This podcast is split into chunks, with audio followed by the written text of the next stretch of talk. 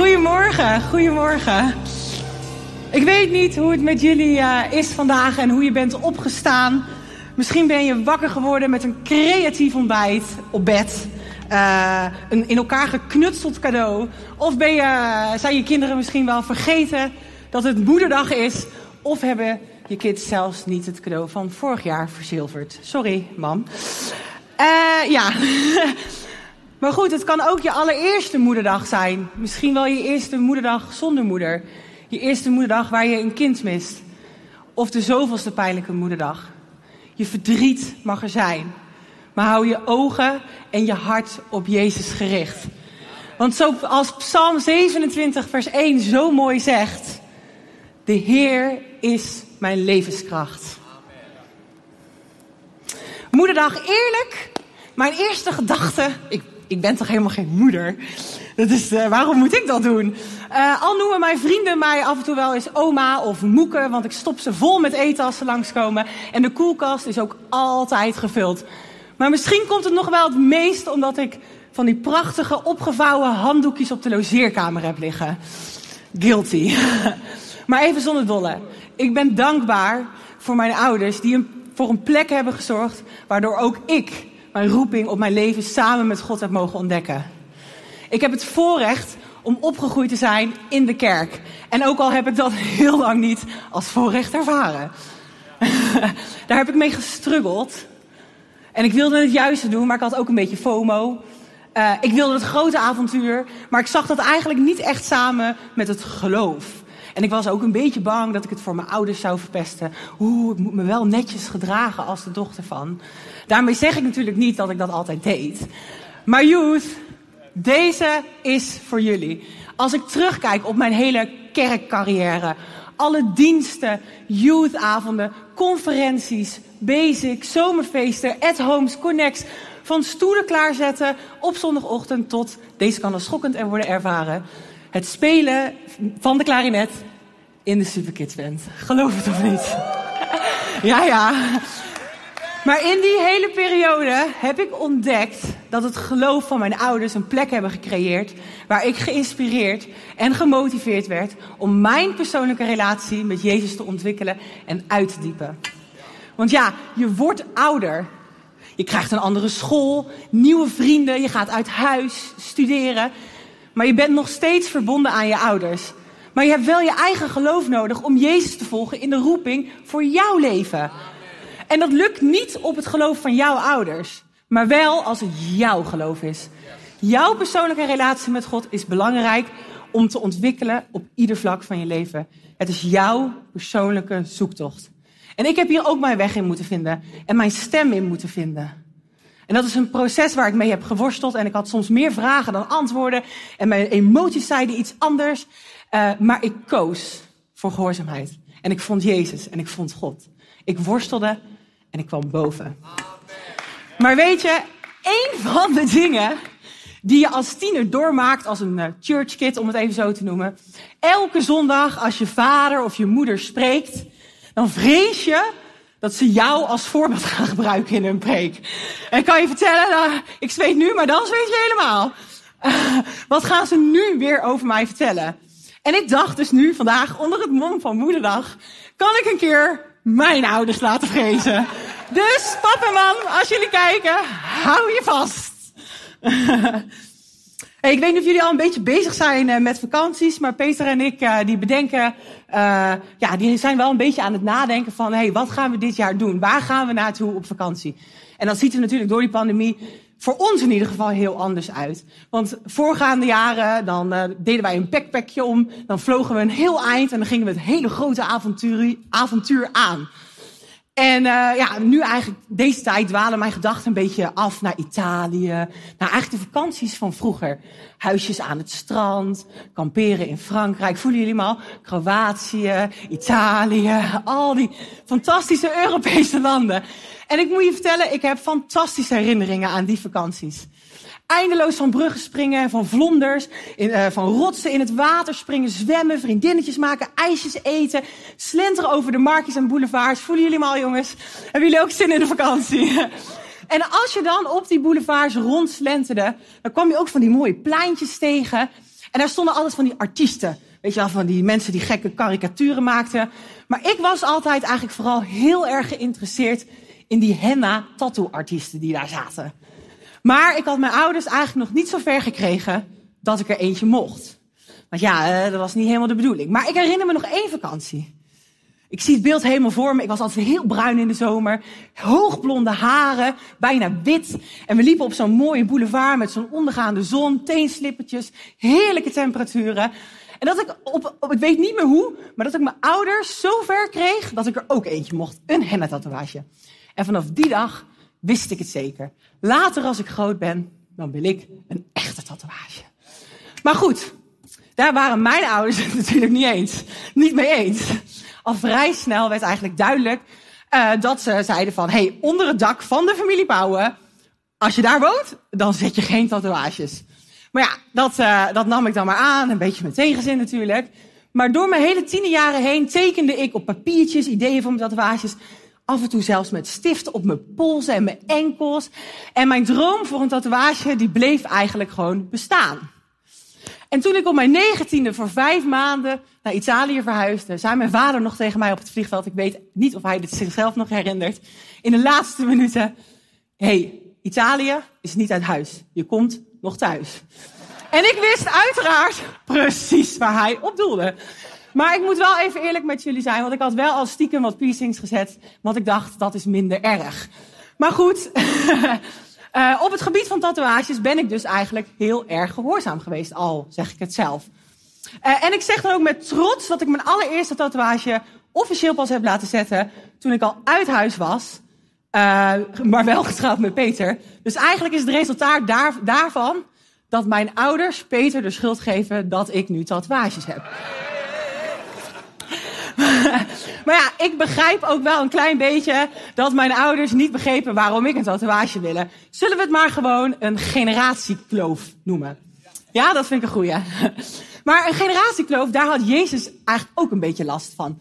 In Lucas 2 lezen we over Jozef en Maria, die twaalfjarige, uh, die twaalfjarige Jezus drie dagen kwijt waren. Even om, uh, even, om even jullie uh, bekend te maken. Jezus was twaalf jaar, toen mocht hij voor het eerst mee met paas gaan naar Jeruzalem, naar de tempel. En na de feestdagen gingen ze weer terug naar Nazareth. En dat was zo'n 140 kilometer lopen. Ik stel me dan helemaal zo'n stoet met feestende mensen voor. Dat moet gezellig geweest zijn, want iedereen was blij.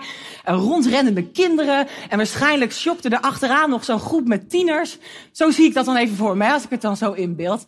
Dus Jozef en Maria dachten, hij loopt vast wel daar ergens tussen. Maar tegen de avond werden ze toch een klein beetje ongerust. Je weet wel, zo'n moeder die dan in één keer in paniek raakt en zo'n vader die nog een beetje probeert te kalmeren. Althans, zo ging het bij ons thuis. Uh, dus laten we lezen in Lucas 6, vers uh, 46. Na drie dagen zoeken vonden ze hem eindelijk. Wat een paniek moet dat geweest zijn.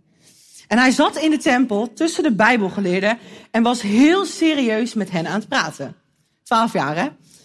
Ieder die hem hoorde verbaasde zich over zijn verstand en zijn antwoorden. Vers 48. Zijn ouders wisten niet wat ze moesten denken toen ze hem zagen. Jongen toch, waarom heb je dit ons aangedaan? Je vader en ik hebben overal gezocht. Wij wisten ons gewoon geen raad meer. Ik zou denken, angst en paniek. Ze zijn de zoon van God kwijt. Drie dagen. Ze zijn hem gewoon kwijt. maar oké, Jezus is kalm, want hij zegt, dat hoeft het toch niet? Je hoeft je toch niet druk te maken? Dat, uh, wist u dan niet dat ik bezig moet zijn met de dingen van mijn vader? Maar zij begrepen niet wat hij bedoelde. Zij begrepen de roeping die hij op zijn leven had nog niet helemaal. Hij sprak het uit met respect en geen rebellie. En in vers 51, uh, sorry, vers, ja, vers 51. En hij ging met hen mee in Nazareth en was hun onderdanig. In andere vertalingen gebruiken ze het woord gehoorzaamheid. Hij was gehoorzaam aan zijn ouders.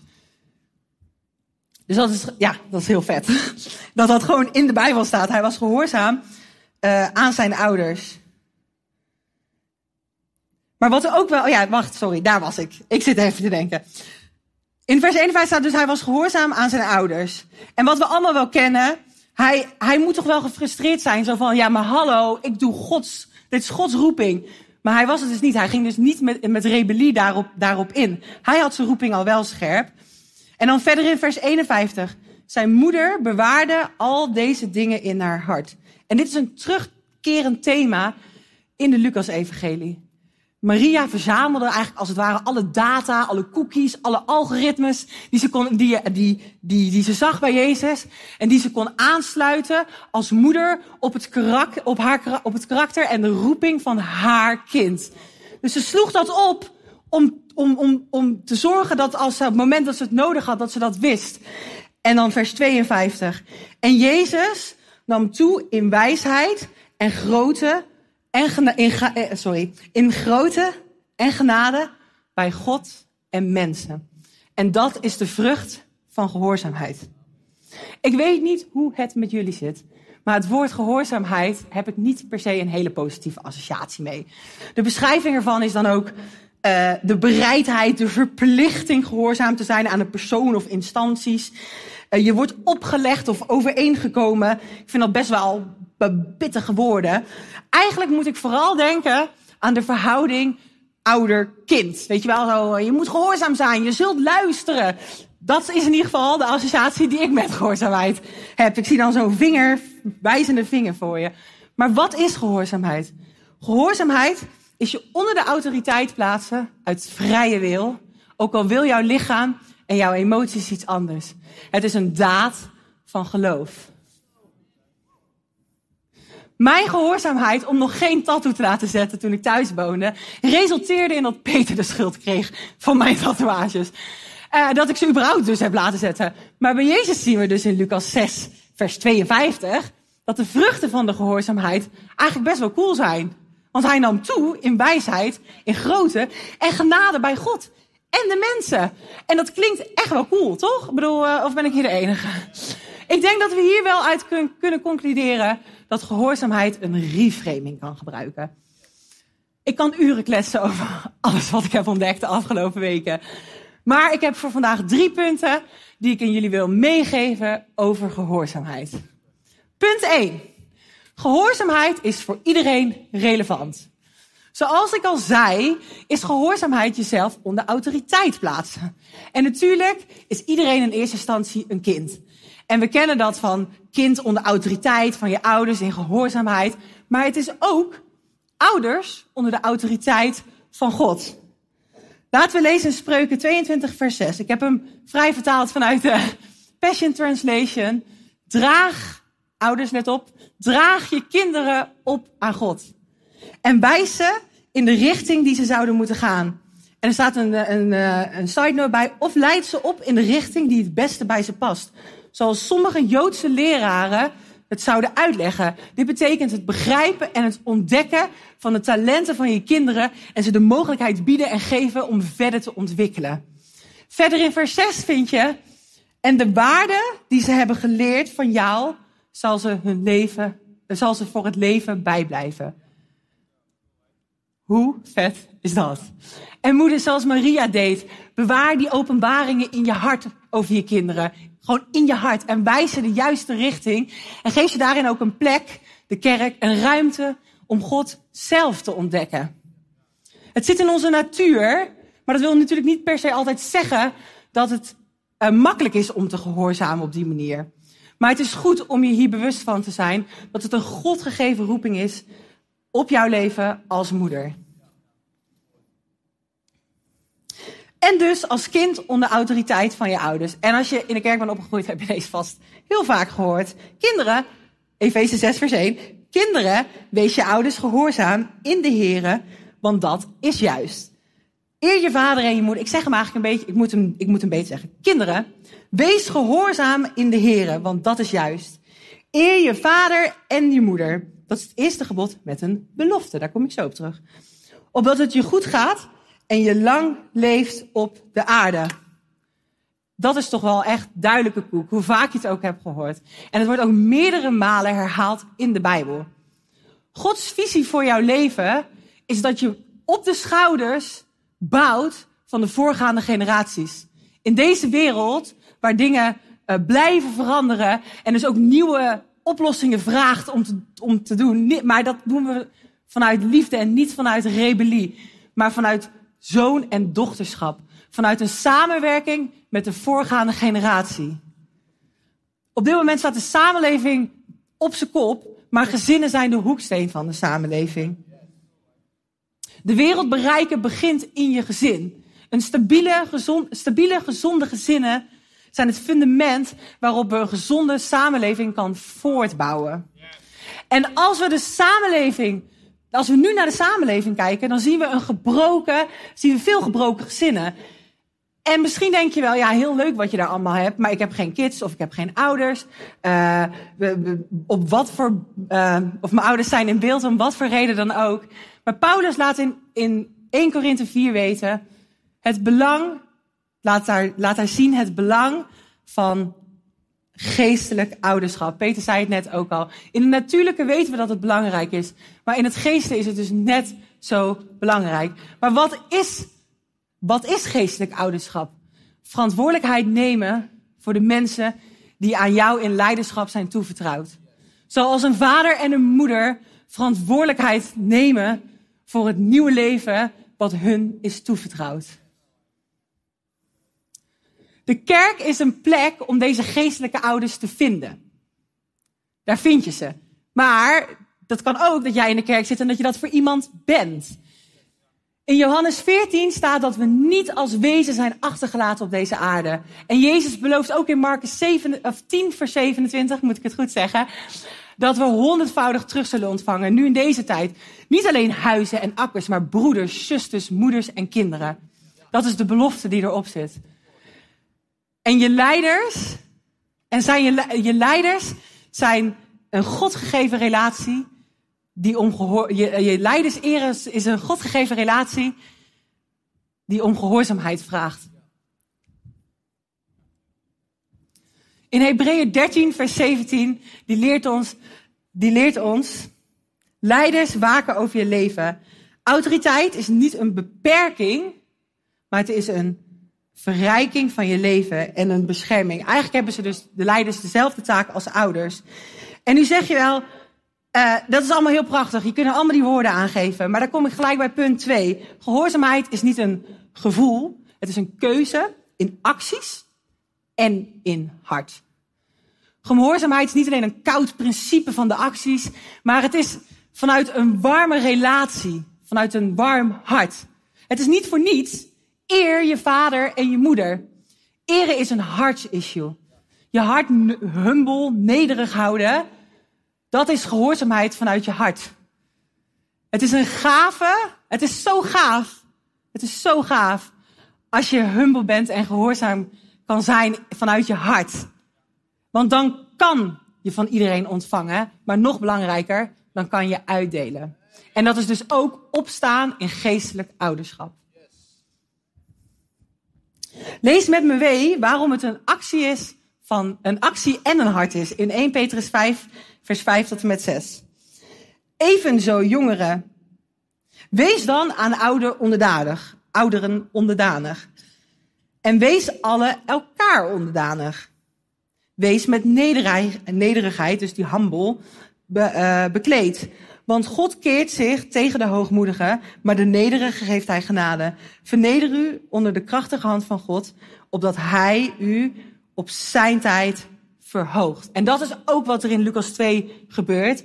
Want Jezus wist wat zijn roeping was.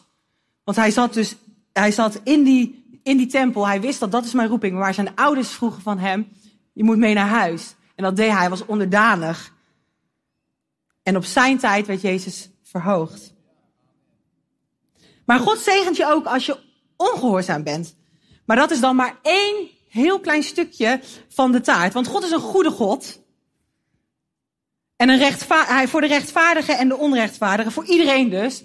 Dus eigenlijk wil je die hele taart hebben. Ik bedoel, hij kan je zegenen, maar gehoorzaamheid, daardoor, daar, als, je daarin vol, als je daarin volhardt, dan geeft hij je de hele taart.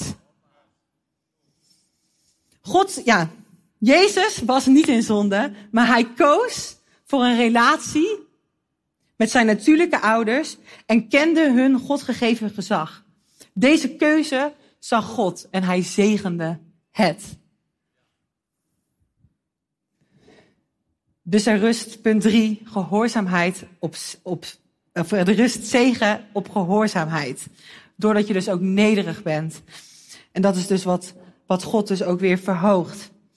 Dus gehoorzaamheid is een God, gehoorzaamheid in een God gegeven relatie, ondanks dat je elkaar niet begrijpt. En dus op een andere golflengte zegt, daar rust zegen op. Mijn ouders, die beschermden mij. In hun tijd was natuurlijk, uh, ja, tatoeages zijn wat minder sociaal geaccepteerd. En uh, ja, dus dat was eigenlijk uit bescherming. Ik heb hun visie daarin gepakt. Ik heb hun visie daarin gepakt en ik heb die, die keuzes voor mezelf later gemaakt. Je adopteert die visie om bewust te zijn over wie je bent, want je ouders kennen je ook heel goed. En geestelijke ouders ook, die kunnen over je spreken, want dat laat je ook toe daarin. Dat is ook een stukje gehoordigheid. Want je stelt je onderdanig en gehoorzaam op. Niet vanuit wet, maar vanuit relatie, die er dus is. Een belofte is dat we niet als wezen, zoals ik al eerder zei, worden achtergelaten. En dat we geestelijke ouders vinden in de kerk. Kies een plek waar je van invloed wilt zijn en kunt zijn. Waar je kunt doorbouwen op de schouders van je natuurlijke of je geestelijke ouders. Juist in deze wereld is dit heel belangrijk. Juist in deze wereld die blijft veranderen, is dit heel belangrijk. En het vraagt voor nieuwe oplossingen. Niet vanuit rebellie, nogmaals, maar vanuit zoon en dochterschap. En daar rust Gods zegen op. En ik weet niet hoe het met jou zit, maar ik wil die taart en die kers. Ik wil het helemaal. En misschien denk je, wel heel leuk allemaal, Roos.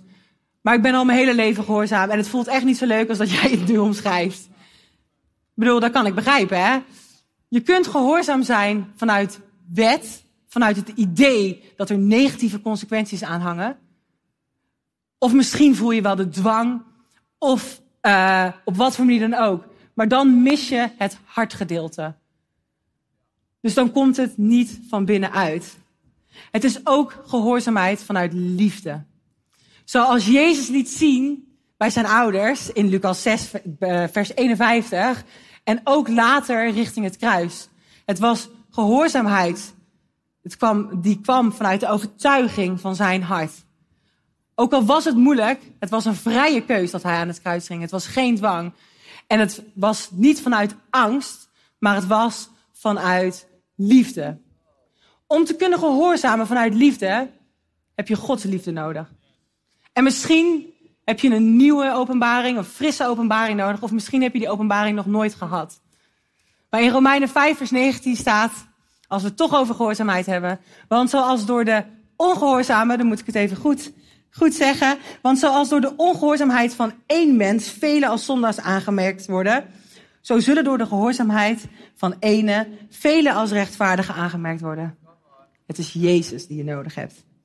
Hij is uit vrije wil aan dat kruis gegaan, maar hij is ook opgestaan in, en in die opstandingskracht mogen wij leven. Jij mag in die liefde wandelen en die eerste stap in gehoorzaamheid is naar God.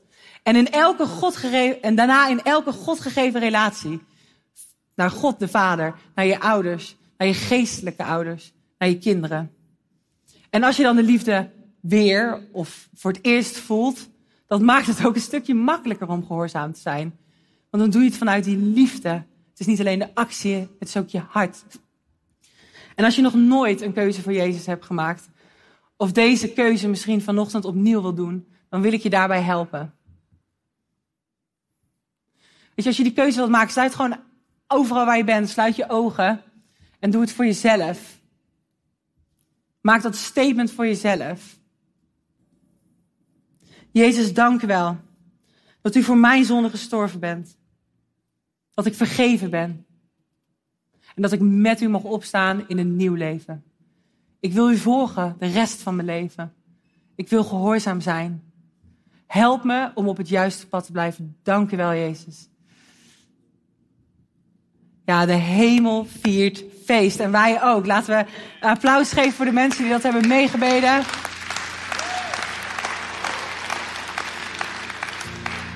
Weet je, we zijn, zoals ik zei, we zijn met elkaar familie. Dus ook de mensen om je heen die misschien niet je natuurlijke ouders zijn. Maar vertel het aan iemand. Deel het met je familie als je dit hebt gebeden. Deel het met mensen die om je heen kunnen staan. Die misschien ook wel je geestelijke ouders op dat gebied kunnen, kunnen zijn. Gehoorzaamheid is ja zeggen tegen Gods plan. Amen.